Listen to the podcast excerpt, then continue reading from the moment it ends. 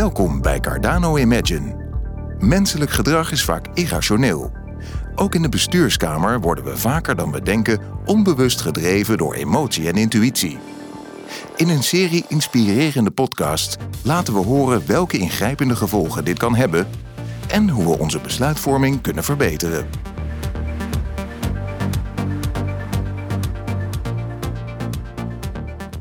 Wij mensen zijn dol op modellen.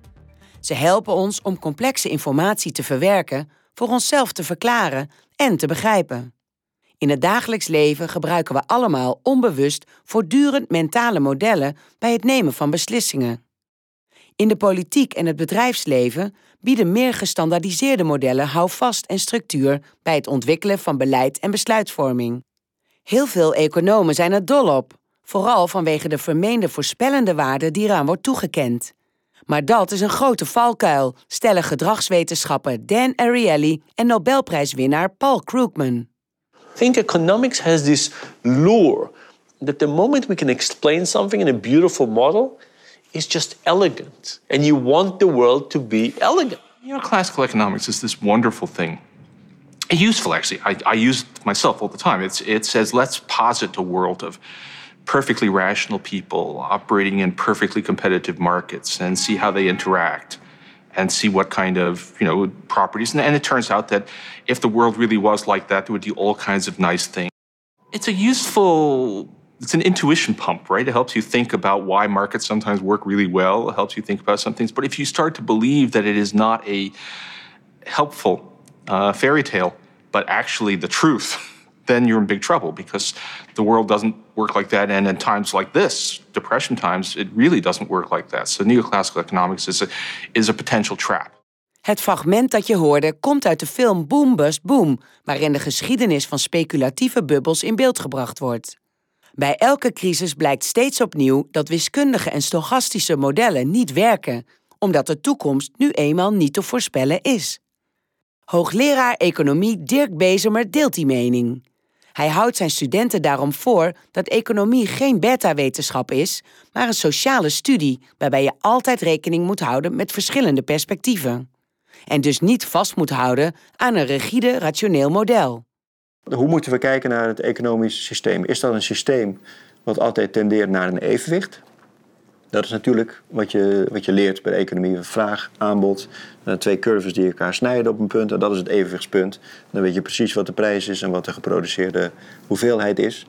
Dat is één model van de economie. Een ander model van de economie is te zeggen...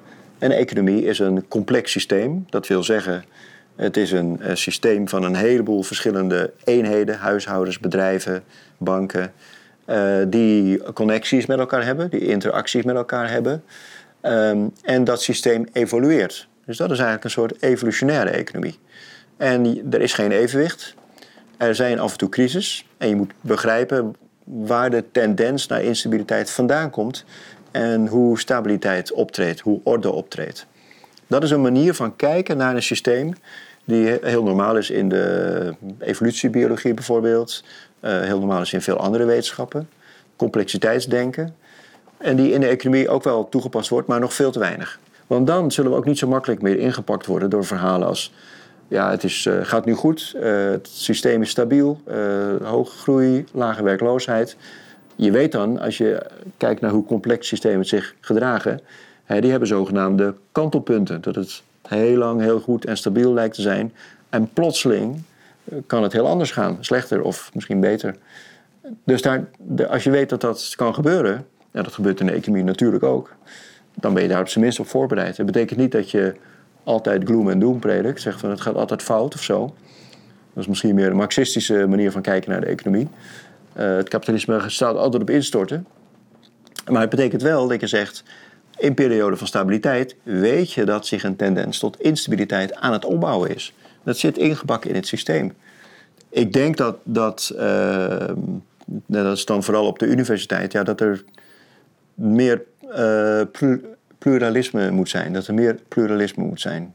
En pluralisme, dat is uh, niet, niet per se heterodox, niet alleen maar alternatieve theorieën, ook orthodox, ook de, de standaard economische theorie. Die moet natuurlijk geleerd worden, dat is, uh, dat is ons intellectueel erfgoed. Maar dat betekent dat allebei geleerd worden.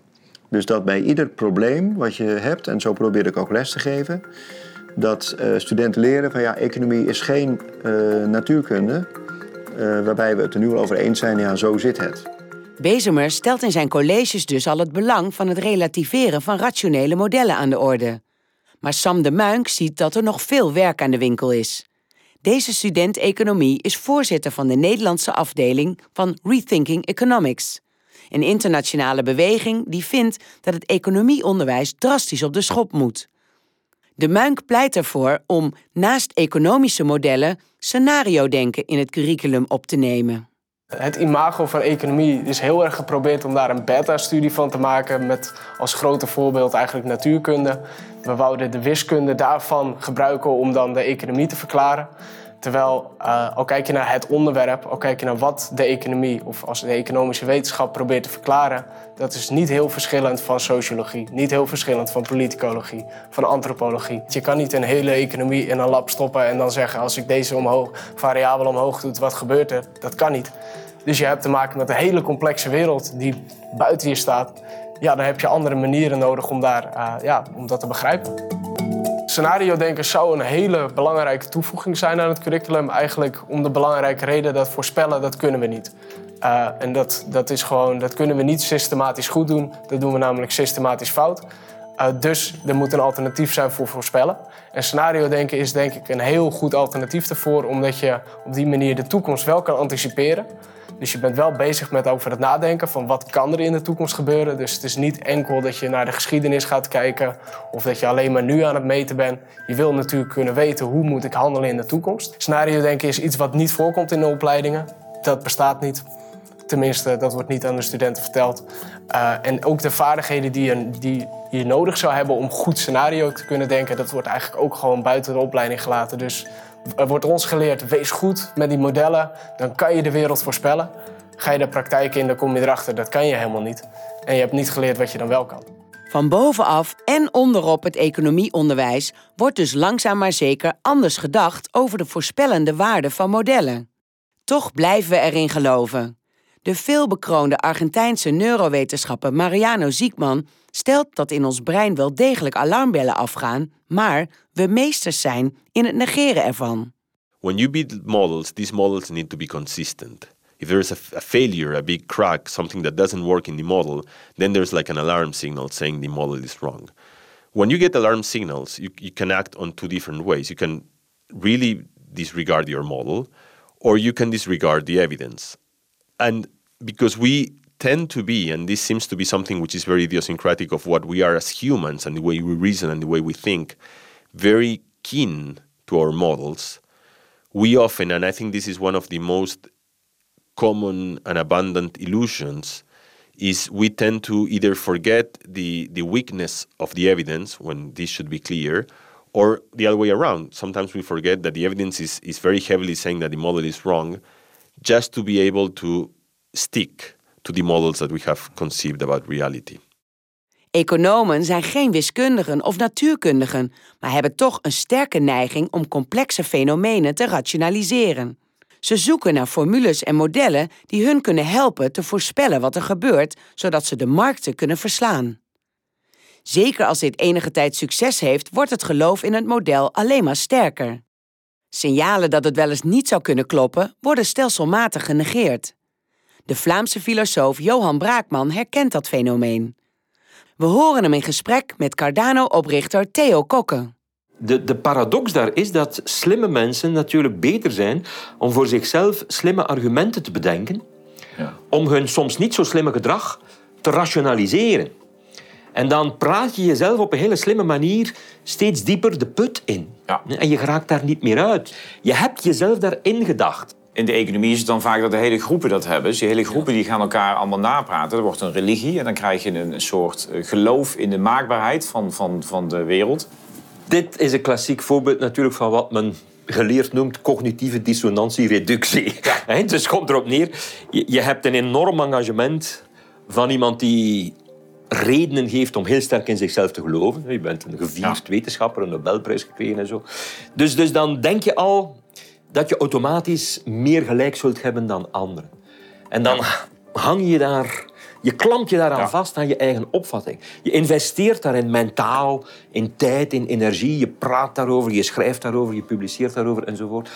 Als het dan toch fout loopt, dan botst dat zodanig erg met je volle overtuiging van gelijk te hebben, dat het erg moeilijk is om je ongelijk toe te Ja. geven. Dus wat, wat men dan typisch doet, is soms hele slimme argumenten bedenken om toch vast te houden aan de oorspronkelijke Ja. opvatting. Is het ook niet de situatie dat we domweg moeten leren inzien dat er nu eenmaal systemen zijn die inherent onvoorspelbaar zijn? Maar in de dagelijkse praktijk van de bestuurskamer biedt een mooi, elegant, simpel te begrijpen model toch nog vaak veel houvast bij het nemen van beslissingen. Margaret Heffernan, top management consultant, pleit er daarom voor dat besturen hun eigen overtuigingen ter discussie stellen. Daag het model uit, is haar boodschap. we all construct mental models that make sense of the world for us. The problem with these mental models is they attract confirming information and repel, minimize, trivialize disconfirming information. And I think when we find our mental models not working, if we have real intellectual vigor, we will be prepared to take the whole thing apart and see could we build it better. And I think what happens is that we kind of fall in love with our models and really feel, take too personally any challenges or disconfirmation. But, you know, in my book, there's a story of a scientist who studied uh, childhood cancers in the UK. And there are many fascinating things about her work. But chief among them was that she worked with a statistician. And she said to him that his job was to prove that she was wrong. Because if he couldn't, then she could carry on doing her work. So he was specifically tasked to find other explanations for the data that he that she was collecting. And to me that's a fantastic model of collaboration, which is you're on the same side. You want really really robust conclusions, but you don't want to be so wedded to them that you don't see alternatives. Tot zover deze podcast over ons soms wat al te heilige geloof in mentale en rationele modellen. In de nieuwste editie van ons magazine Imagine besteden we heel veel aandacht aan hoe ons brein werkt. Hoe we ons kunnen wapenen tegen irrationaliteit en groepsdenken en hoe we betere beslissingen kunnen nemen. Een baanbrekende must-read voor de pensioensector. Vraag hem kosteloos aan op cardano.nl. Deze podcast werd je aangeboden door Cardano.